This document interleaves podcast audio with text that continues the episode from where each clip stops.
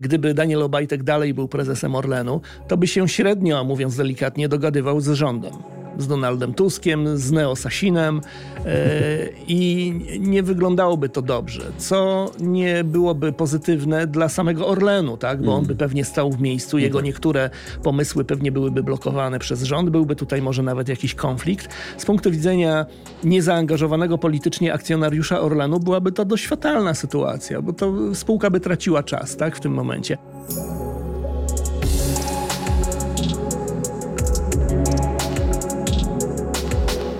Jakoś nie widzę takiego wielkiego powrotu na stację Orlen, bo Obajtka już nie ma tych, którzy nie głosowali na Prawo i Sprawiedliwość. Można by było pomyśleć, to- że oni że bojkotowali. Bo No to właśnie myśli, myślisz, że nie chodzili na Tak, stację ja samo mijałem te stacje czasami. Ja ci powiem, że ja nigdy w życiu nie byłem na stacji Orlenu tankując, jeśli nie musiałem, ale nie ze względu na Obajtka i nie ze względu na PiS, No. tylko dlatego, że jestem z Gdańska, więc zawsze wybierałem Lotos, a No ale nie to Orlen. czort, czym Dlatego Orlen, stacje Orlenu zawsze od samego początku były dla mnie zupełnie obce. To było do przewidzenia, prawda, że nowa ekipa z Obajtkiem będzie chciała się pożegnać i myślę, że wiele spółek Skarbu Tak. Państwa czeka na ten moment, kiedy KGHM zawsze jest tą kolejną taką dużą, w której Skarb Państwa, mimo że na giełdzie, to ma swoje udziały i zaczyna, no to jest jaka, jakieś trofeum, jakby nie było też polityczne. Obajtka Rada Nadzorcza odwołała jeszcze w momencie, kiedy nagrywamy te, te audycje, nie wiemy, kto go zastąpi, natomiast pojawia się pewien krajobraz po Obajtku. Mhm. Patrzysz na to i myślisz co? Nie, nie myślę nic nadzwyczajnego, powiem ci szczerze, jeśli chodzi o krajobraz po Obajtku. Natomiast widzę, że y, w związku z tym, że zmieniła się władza w Polsce i zmienił się ten y, wektor, w którym mm, ten świat polityczny zmierza, czyli przeprosiliśmy się z Unią Europejską i wszystko to wygląda zupełnie inaczej, to wydaje mi się, że wśród niektórych polityków jest też taka potrzeba, żeby bardzo wyraźnie i efektownie odkręcać różne sprawy związane z gospodarką i z inwestycjami, nawet, nawet szerzej, bo to nawet nie chodzi tylko, znaczy ten Obajtek mi tutaj pasuje y, w takim szerszym zakresie, tak? bo jest bardzo wiele hałasu wo- wokół CPK, czy by tego nie odkręcić na przykład. Tak? Y, Były głosy ze strony wprawdzie samorządu, a nie rządu, ale jednak samorządu w województwie pomorskim, czy by może jeszcze raz nie sprawdzić lokalizacji elektrowni atomowej. Y, I PiS zostawił po sobie wiele takich y, dużych projektów y, i co do niektórych my też tutaj mieliśmy sporo wątpliwości, chociażby przekop przez Mierzej, tak. Mierzej Wiślaną, którego do dzisiaj nie do końca rozumiem. E, Natomiast tych projektów jest więcej. I teraz ta miotła polityczna tak z rozpędu mam wrażenie, że chciałaby je wszystkie tak zamieść, tylko dlatego, że one były pisowskie, a to jest jednak znaczące uproszczenie sytuacji i to nie jest tak, że one wszystkie się nadają do kosza. I podobnie jest, wydaje mi się, z y, Orlenem i z tym, czym Orlen się stawał w ciągu ostatnich To lat. myślę jest też ważne zdanie, o, o, o którym mówisz. Stawał, że ja pół żartem, pół serio mówię o tych stacjach benzynowych. Po pierwsze, dzisiaj stacja benzynowa to jest sklep. Tak. I to jest ogromna sieć spożywcza w jakimś sensie, ale druga rzecz jest taka, że po drodze... Ktoś, ktoś przypilnował, że w ustawie o zakazie handlu w niedzielę stacje benzynowe nie są tym zakazem objęte. Okej. Natomiast po drodze Orlen rzeczywiście jak magnes brał gigantów do siebie. I dzisiaj to jest konglomerat ogromnych firm, które po pierwsze y, są skrajnie widoczne, po drugie mają moc nie tylko w Polsce, ale także w Europie. I nie da się tak dużym y, statkiem zarządzać w sekundę. Nie da się skręcić tego kursu w sekundę, nie da się wprowadzić zmian w sekundę. Tak, a poza tym, y, zanim się podejmie decyzję o takich zmianach, to należałoby to naprawdę y, trzy razy przeanalizować od każdej strony i się zastanowić, czy naprawdę warto, właśnie ze względu na tę skalę. Tak? Znaczy nie, nie da się tym machać y, co kilka miesięcy, że pójdziemy w tę stronę, ale może jednak nie, to pójdziemy w drugą stronę. Sprzedamy Lotos, odkupimy Lotos. Tak, i Połączymy się z oczywiście- prądem, oddamy prąd. Tak, nie? i oczywiście naj, najwięcej hałasu jest w, w związku z fuzją z Lotosem y, Orlenu. I wydaje mi się, że akurat ta transakcja jest absolutnie nie do odkręcenia, ponieważ ona była bardzo skomplikowana.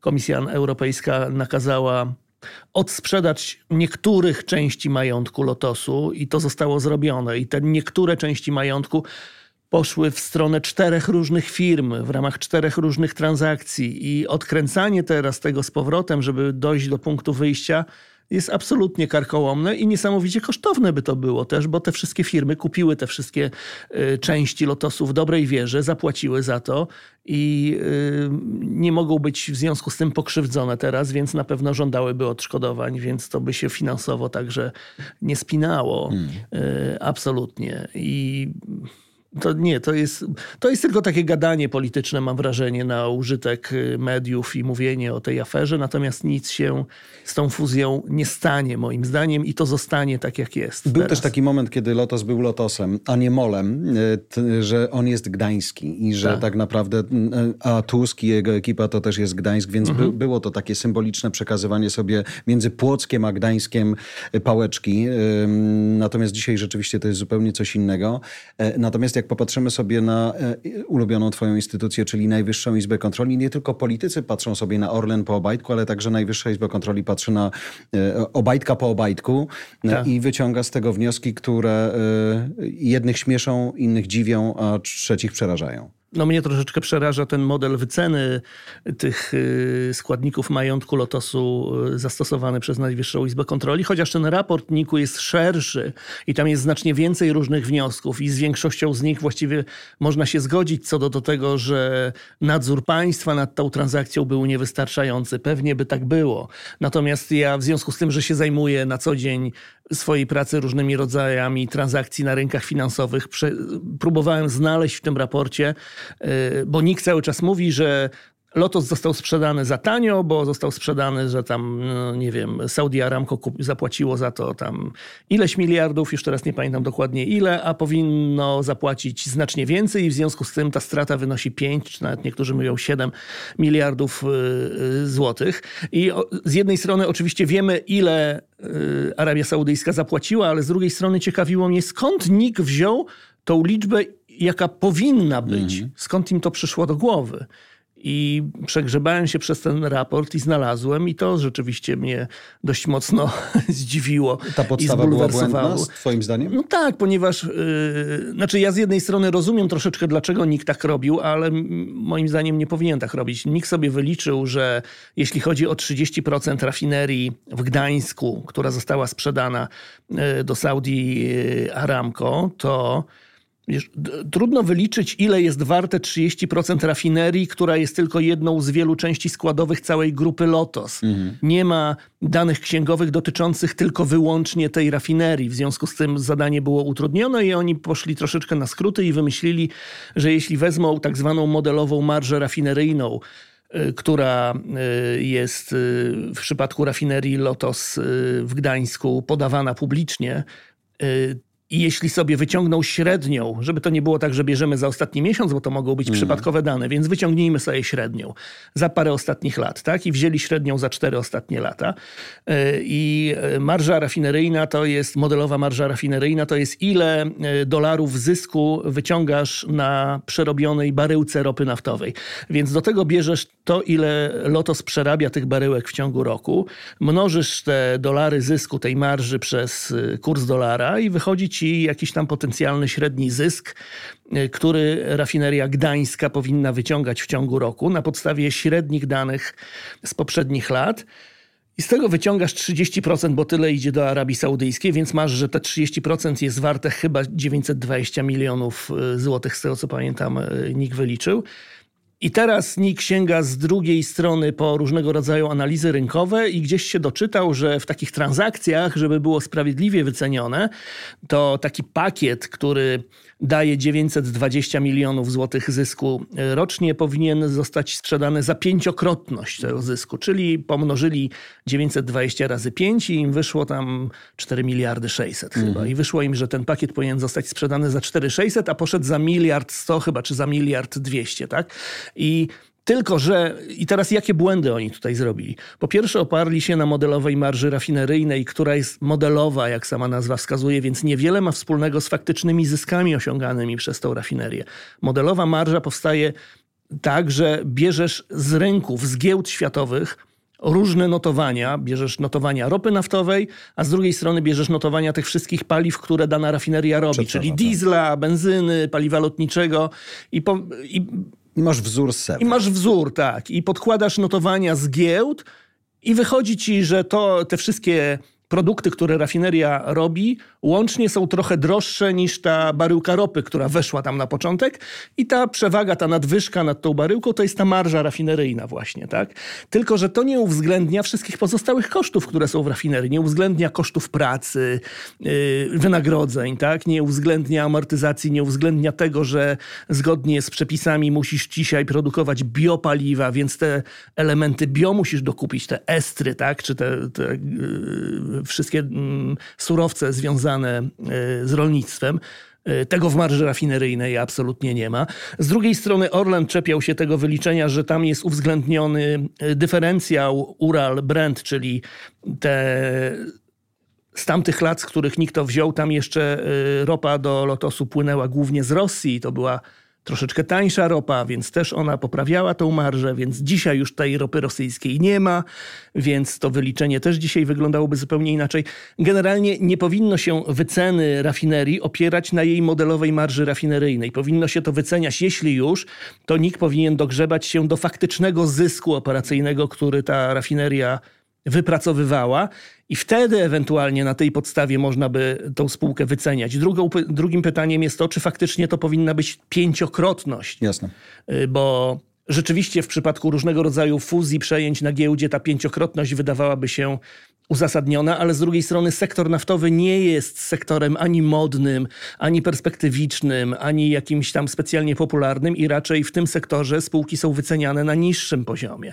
Ja dojrza- no, dotarłem do y, wycen Lotosu jeszcze jak był notowany na giełdzie z 2021-2022 roku y, ze strony analityków z, pior- z mm. polskich biur maklerskich. To były rekomendacje dla inwestorów giełdowych i oni tam mieli prognozy zysków Lotosu jeszcze przed fuzją na kolejne lata i wyceniali w oparciu o te przyszłe zyski tą spółkę y, na poziomie tych zysków razy dwa, razy półtora, razy trzy, nie razy pięć, pięć. tak? Czyli mm wśród tych analityków te wyceny, te, ten mnożnik był zdecydowanie mniejszy, więc NIK prawdopodobnie zastosował za wysoki mnożnik, a przede wszystkim oparł się kompletnie nie na tym, na czym powinien, czyli na modelowej marży rafineryjnej, czyli czymś, co nie jest odzwierciedleniem faktycznego biznesu konkretnej rafinerii. Mamy dzisiaj sytuację, w której po Obajtku Najwyższa Izba Kontroli patrzy na różne rzeczy i zostawia swoje e, dokumenty na stole wywołujące różne kontrowersje, o których ładnie powiedziałeś. Mamy też sytuację, w której siłą rzeczy, skoro Rada Nadzorcza odwołała Obajtka, cała w ogóle władze Orlenu się e, zmieniają i w momencie, kiedy my siedzimy w studiu i nagrywamy, to właśnie zmienia się cała Rada mhm. Nadzorcza. W statucie Orlenu zdaje się tak, jest taki zapis, który pozwala ministrowi aktywów państwowych, czyli byłemu Sasinowi albo następcy Sasina, tak. czy nowemu Sasinowi, e, Neosasinowi, Neosasinowi e, powołać prezesa, czy wskazać prezesa. Może, może powołać jednego członka zarządu i tym członkiem zarządu może być, może prezes. być prezes. Tak. To się może zdarzy w trakcie tej audycji lub nie. Zostawiając to, przychodzi no, Neosasin do Orlenu. E, no i teraz Orlen to jest już konglomerat, właśnie, o, nie ma Lotosu, ale y, PGNiG cały czas, tak, prawda? To, to I energa. Też energa. I to jest coś tak. tak. dużego, że dzisiaj wydaje mi się, że nawet gdyby oni chcieli to inaczej po swojemu poukładać, to jest już tak duże, i sprawy zaszły tak daleko, że chyba nie będzie odważnego, ale być może nawet nie ma biznesowego pomysłu, czy powodu, przepraszam, na to, żeby mm, wracać do rzeki, która już dawno odpłynęła. Moim zdaniem Lotosu nie da się z tego odkręcić, bo to jest zbyt mm, skomplikowane. tak jak mówiłeś, można, by wyjąć, można by wyjąć pegnik z Lotosu. Mm. To się jeszcze da odkręcić. Y, I y, mówił o tym w mediach były prezes Lotosu, były Pegnigu. prezes Pegnigu Woźniak. Piotr Woźniak na przykład.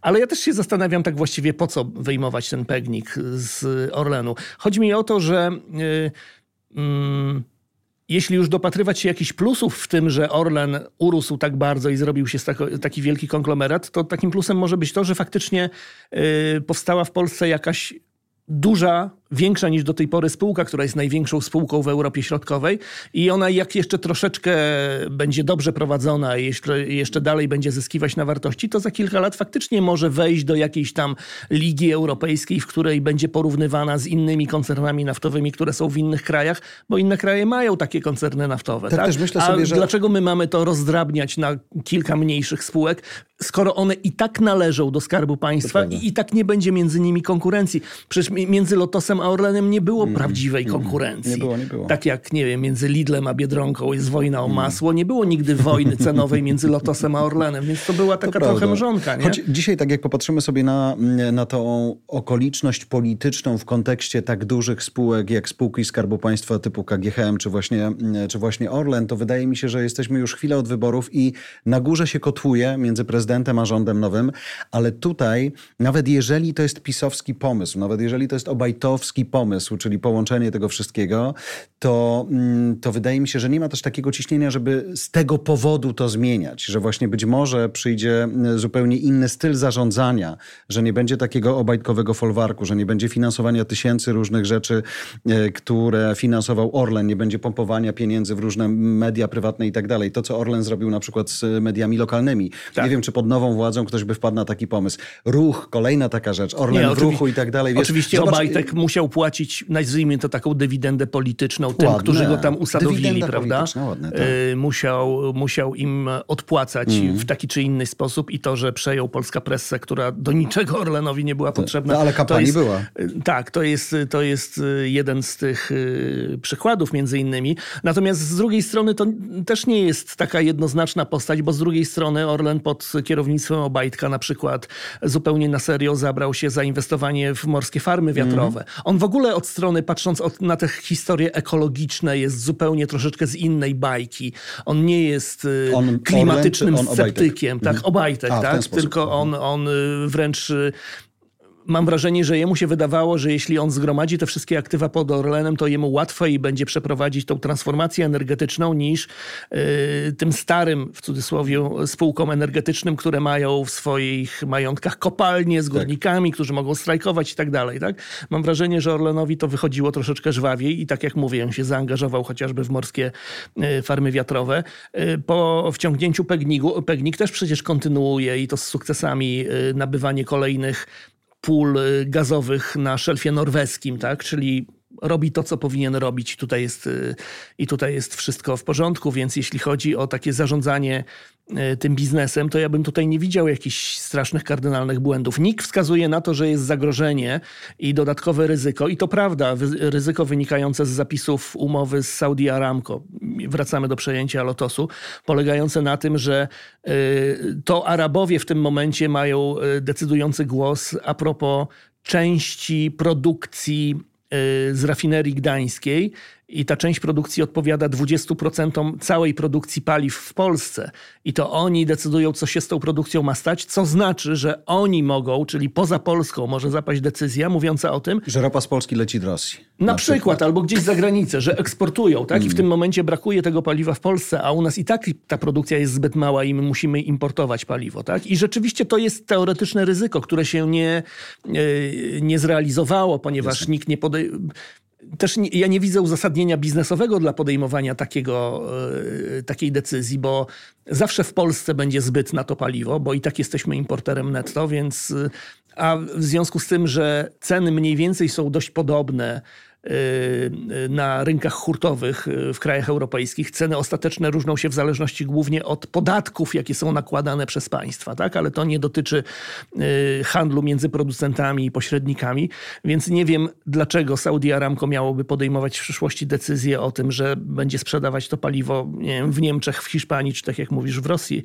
W Rosji akurat chyba nie dałoby się, bo cały czas sankcje unijne obowiązują, no ale gdzieś tam, nie wiem, w Finlandii, tak? Dajmy na to to moim zdaniem biznesowo by się nie sklejało, ale faktycznie, teoretycznie taka możliwość jest i można uznać, że to jest jakieś tam dodatkowe ryzyko. To, e, to tak, ale myślę, że e, Myślę, że państwo jest w stanie zabezpieczyć się przed tym ryzykiem w troszeczkę inny sposób, w sposób nieco bardziej dyplomatyczny. E, Saudi Aramco to też nie jest spółka prywatna przecież, tylko należąca do y, osób blisko związanych z tymi, którzy zarządzają tym państwem, więc myślę, że na, właśnie na tym poziomie dyplomatycznym można to wszystko dogadać i umówić się, że nie robimy sobie tutaj krzywdy. I ktoś może argumentować, że takie tam dogadywanie się to jest mało ważne, że warto, żeby to było na papierze i może jest w tym trochę racji, ale z drugiej strony jednak realia na świecie polityczne są takie, że jak się dwóch poważnych ludzi ze sobą umówi na coś, to powinni tego słowa dotrzymywać, jeśli im zależy na współpracy. A powiem szczerze, nie widzę powodu, dla którego Saudi Aramco miałoby nie zależeć mm. na mhm. współpracy z nami, skoro już tutaj zainwestowało swoje pieniądze. Jak patrzę sobie jeszcze, myśląc o, przepraszam, że odrywam od ciebie wzrok i od widzów wzrok, ale w tym momencie może dziać się historia. Może jest to no, moment, coś tam którym, się stało. No nie wiem, może wybiorą nowego Obajtka, chcę znać wiesz, A, no nazwisko, no tak, więc tak, będę zerkał. Trwa, trwa walne zgromadzenie. Tak, natomiast tak. przy okazji patrząc sobie na kurs Orlenu w ostatnich dniach, mm -hmm. kiedy zaczęła się ta zmiana, to to pożegnanie Obajtka to jest No, różne czynniki mogły się złożyć oczywiście na to. Wiesz, ale to tak. jest, niektórzy używali stwierdzenia gigantyczna zmiana kursu. Jest to wyraźny wzrost. Tak, tak, jest to wyraźny wzrost i jakby zupełnie uzasadniony i oczywiście związany z tym, że Daniel Obajtek został odwołany. Tyle, że nie, nie szedłbym y, dalej y, w tą interpretację, że to jest ocena rynku, mm. że Daniel Obajtek był złym prezesem poczekaj, i inwestorzy się mówimy, że giełda, cieszą, że go wywalili. Że giełda e, wycenia przyszłość, więc no coś w tym jest może. Nie, no właśnie, w tym, w tym ruchu w górę giełda wycenia przyszłość, czyli co konkretnie giełda wycenia. Znaczy, w, mam wrażenie, że inwestorzy widzieli doskonale, bo to było mm. absolutnie oczywiste, że gdyby Daniel Obajtek dalej był prezesem Orlenu, to by się średnio, mówiąc delikatnie, dogadywał z rządem z Donaldem Tuskiem, z Neo Sasinem e, i nie wyglądałoby to dobrze, co nie byłoby pozytywne dla samego Orlenu, tak? bo on by pewnie stał w miejscu, jego tak. niektóre pomysły pewnie byłyby blokowane przez rząd, byłby tutaj może nawet jakiś konflikt. Z punktu widzenia niezaangażowanego politycznie akcjonariusza Orlenu byłaby to dość fatalna sytuacja, bo to spółka by traciła czas tak, w tym momencie. W sytuacji, w której Obajtek znika z Orlenu i pojawia się tam jakiś prezes, który jest y, z namaszczenia nowego rządu, nowej koalicji większościowej, więc wiadomo, że będzie dobrze współpracował, powinien dobrze współpracować z rządem, no to ta perspektywa się zmienia na lepsze, w związku z tym wycena spółki rośnie. Wiesz, Orlen jest na tyle dużą spółką, potężną, zaangażowaną w tak dużo różnych projektów, dużych, inwestycyjnych, w energetyce, y, że nie może realizować tych projektów w konflikcie z państwem i z władzami państwa. Tutaj, tutaj jakieś tam podstawowe porozumienie z rządem jest absolutną koniecznością i Obajtek miał to porozumienie z poprzednim rządem. Rząd się zmienił, więc trzeba też zmienić zarząd Orlenu dla dobra tej spółki. Więc jeśli do tego w końcu dochodzi, to giełda się cieszy i kurs idzie w górę o 5%. W tym sensie, choć pamiętam taki wątek, kiedy poruszaliśmy tą sprawę w czeskim albo słowackim wydaniu, pamiętasz, że wspominałeś o Czezie? O takiej firmie, gdzie mimo zmian politycznych tak, był Czeska, gość, tak. który tam niezależnie tak. od tego, co się zmieniało, że tam trwał no, oczywiście, na stanowisku. to jest kwestia kultury politycznej, no, tak, ale do tego co? jeszcze nie dorośliśmy. To no. prawda, natomiast tutaj mówisz o tej dywidendzie politycznej i myślę, że wielu ją płaciło. Czy to było TVP, A, zawsze pewno, się mówiło, czy to tak. było KGHM, zawsze jakaś. Może czasem rękawiczki były bardziej białe, czasem mniej, natomiast rzeczywiście Tak, jestem dzisiaj... przekonany, że poprzednicy Obajtka w Orlenie też płacili e, w, w przypadku wcześniejszych rządów. Tak. Natomiast dzisiaj mamy, mamy tą sytuację, w której to jest rzeczywiście gigant, kiedy mówimy sobie o transformacji energetycznej szczególnie, już nawet nie myślę o farmach, ale myślę o atomie, to są zaangażowane tak potężne pieniądze i tak mhm. tak dużo interesów też między, między krajami, między Stanami czy między Francją a Polską, że tu bez tej kooperacji, tak jak mówisz, się nie da. Więc to w tym momencie styk biznesu teoretycznie prywatnego, choć spółki Skarbu Państwa, a rządu musi być inny niż normalnie. Tak, poruszyłeś kwestię atomu i to jest jedna z ciekawszych moim zdaniem kwestii a propos przyszłości Orlenu, bo e, ta spółka za czasów Daniela Obajtka chciała się angażować e, w produkcję tych małych e, elektrowni, tak, SMR-ów tak zwanych, mm. prawda, razem z Syntosem. Michała Sołowowa i wiadomo, tutaj też grzmiał o tym Donald Tusk w Sejmie, że tutaj służby państwa zgłaszały swój własny sprzeciw, więc tam jest jak coś tam jest nie do końca dopięte i nie do końca dogadane. Mam wrażenie, że może się okazać w przyszłości, że że trzeba będzie wybrać, że to będzie alternatywa. Albo stawiamy dużą elektrownię atomową, albo stawiamy dużo małych elektrowni, y, które mogą stać przy każdej większej tak. firmie tak naprawdę, bo za chwilę miks energetyczny w Polsce zmieni się tak bardzo, że nie będzie miejsca na aż tak dużo energii z atomu, ponieważ większość energii będzie pochodzić jednak ze źródeł odnawialnych. Będziemy musieli mieć jakąś bazę niezależną mm, tak. od y, pogody. Dzisiaj to jest węgiel, on powinien być zastąpiony atomem.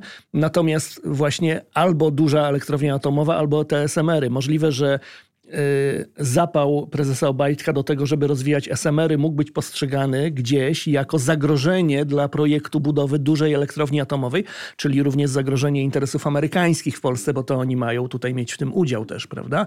Albo oni, albo być może ewentualnie Francuzi, ale chyba jednak bardziej Amerykanie, nie wiemy tego jeszcze do końca. I to jest ciekawa sprawa, czy Orlen y, tutaj zbastuje i zapomnimy o tych SMR-ach, mhm. czy jednak może nie. Hmm. To jest, y, to jest jeden z tych ciekawych szczegółów, które warto będzie w przyszłości obserwować. Po pierwsze to, a po drugie, czy faktycznie zdecydują się na odkręcenie fuzji z Pegnigiem, bo to jest hmm. do, odkręcenia do, odkręcenia cały czas. Nie wiem, czy jak patrzysz teraz prosto w moje oczy, to widzisz, y, nad czym, za czym ja będę tęsknił. Spójrz jeszcze raz głęboko. Tak. Chyba nie prawda? I teraz będziesz słuchacze myślą sobie, ale gdzie oni... Będziesz pewnie tęsknił za cenami paliw przed wyborami. Być może, Pamiętasz tak. te ceny Być paliw może, przed tak. wyborami?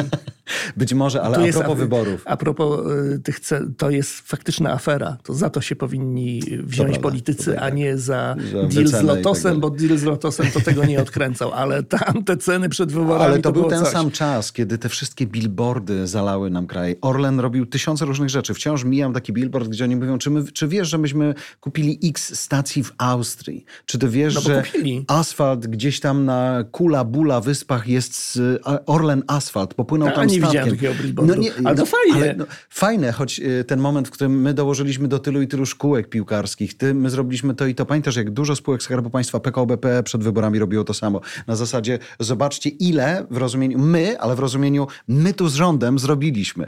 Za tym będę tęsknił, choć niewykluczone, że nowy, nowy prezes ten będzie miał taką pokusę. Będziesz po prostu tęsknił za prezesem Obajtkiem. Słuchaj, no musisz przyznać, że nie było takiego Dokładnie. prezesa, który by tyle zrobił tak. i się nie bał. Nie no, ale weź zobacz tak. po prostu, co on, co on z tym Orlenem zrobił przez te tam 6 lat. Zupełnie nie ta firma, tak? Każdy wcześniejszy prezes mógł de facto zabrać się za to samo, no. Ale nie miał takich pomysłów, nawet nie próbował. A ten facet przyszedł i po prostu ale to jest dobry moment na, na ocenę Nie wszystko dopracował, też. nie wszystko było dopięte na ostatni guzik, nie wszystko może było mądre, Jestem ciekaw, ale tak, przynajmniej to, próbował. Myślę sobie teraz, jak wyglądała taka rozmowa między nim, prezesem, czy między nim a, a Morawieckim na zasadzie Daniel, rób sobie co chcesz, łącz się z kim chcesz, bylebyś płacił tu i tu, nie? Jakby cała prawicowa przestrzeń medialna ma być przez ciebie wypełniona, a łącz się z kim chcesz, albo oddawaj komukolwiek chcesz, co, co sobie zaplanowałeś. Jestem ciekaw, czy tak to, tak to wyglądało, czy to był spryt, czy to był przypadek, czy czy co tam za tym stało, że, że udało mu się zbudować coś takiego, ale pamiętasz... No pamiętasz te plotki, że on miał być premierem nawet? Ja w ogóle nie znam się na tych koteriach w PiSie za bardzo, ale oni tam podobno w większości go nie lubili. No, tak czuli od, od się ludzi, którzy z nim pracowali, widzieli chyba. jak wyglądała jego okolica też, natomiast myślę też o tej sytuacji, w której mm, był, był tak, było takie ciśnienie, że wszystko w tym ostatnim czasie było narodowe i to, łącz, no, to, tak. to łączenie się, no może sprzedaż y, y, Lotosu nie jest y, w, w tym kierunku decyzją, ale już łączenie się z PGNiG to jest budowanie gigantów narodowych, nie? więc mhm. to, to nim też w jakimś sensie kierowało.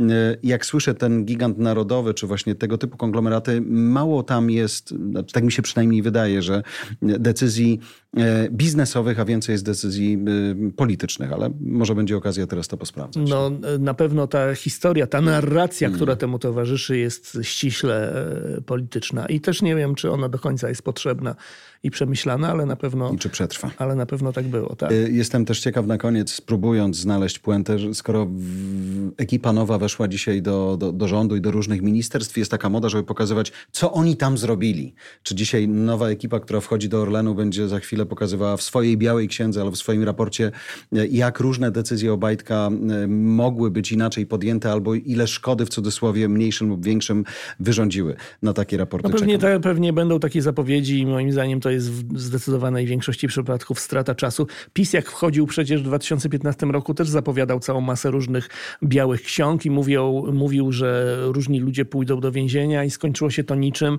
bo wszędzie tam, gdzie miały być afery, które wtedy akurat PiS mm. widział, okazało się potem, że tam nie było żadnych afer, ponieważ rzeczywistość jest skomplikowana i politycy nie wszystko łapią, a czasami nawet jak łapią, to dla publiczności udają, że tego nie rozumieją i twierdzą, że tam są afery, bo chodzi o to, żeby elektorat podtrzymywać wzburzony, bo on wtedy chodzi na wybory i na nich głosuje. Więc żyjemy w takiej, takiej rzeczywistości od wielu lat, że co chwila gdzieś jest jakaś afera, a potem jak przychodzi do tego, żeby faktycznie zrobić jakąś białą księgę czy coś sprawdzać, to się okazuje, że to nie jest żadna afera i to można normalnie, spokojnie A ponieważ tłum już zapomniał, to I nie teraz wracamy będzie tak tego. samo moim zdaniem. Niech robią białą księgę w Orlenie. Podejrzewam, że w większości okaże się, że nie ma tam nic nadzwyczajnego. Poza tymi cenami paliw przed wyborami oczywiście. Do tego będziemy jeszcze wracać, podejrzewam. Rafał, dzięki za dzisiaj. Dzięki.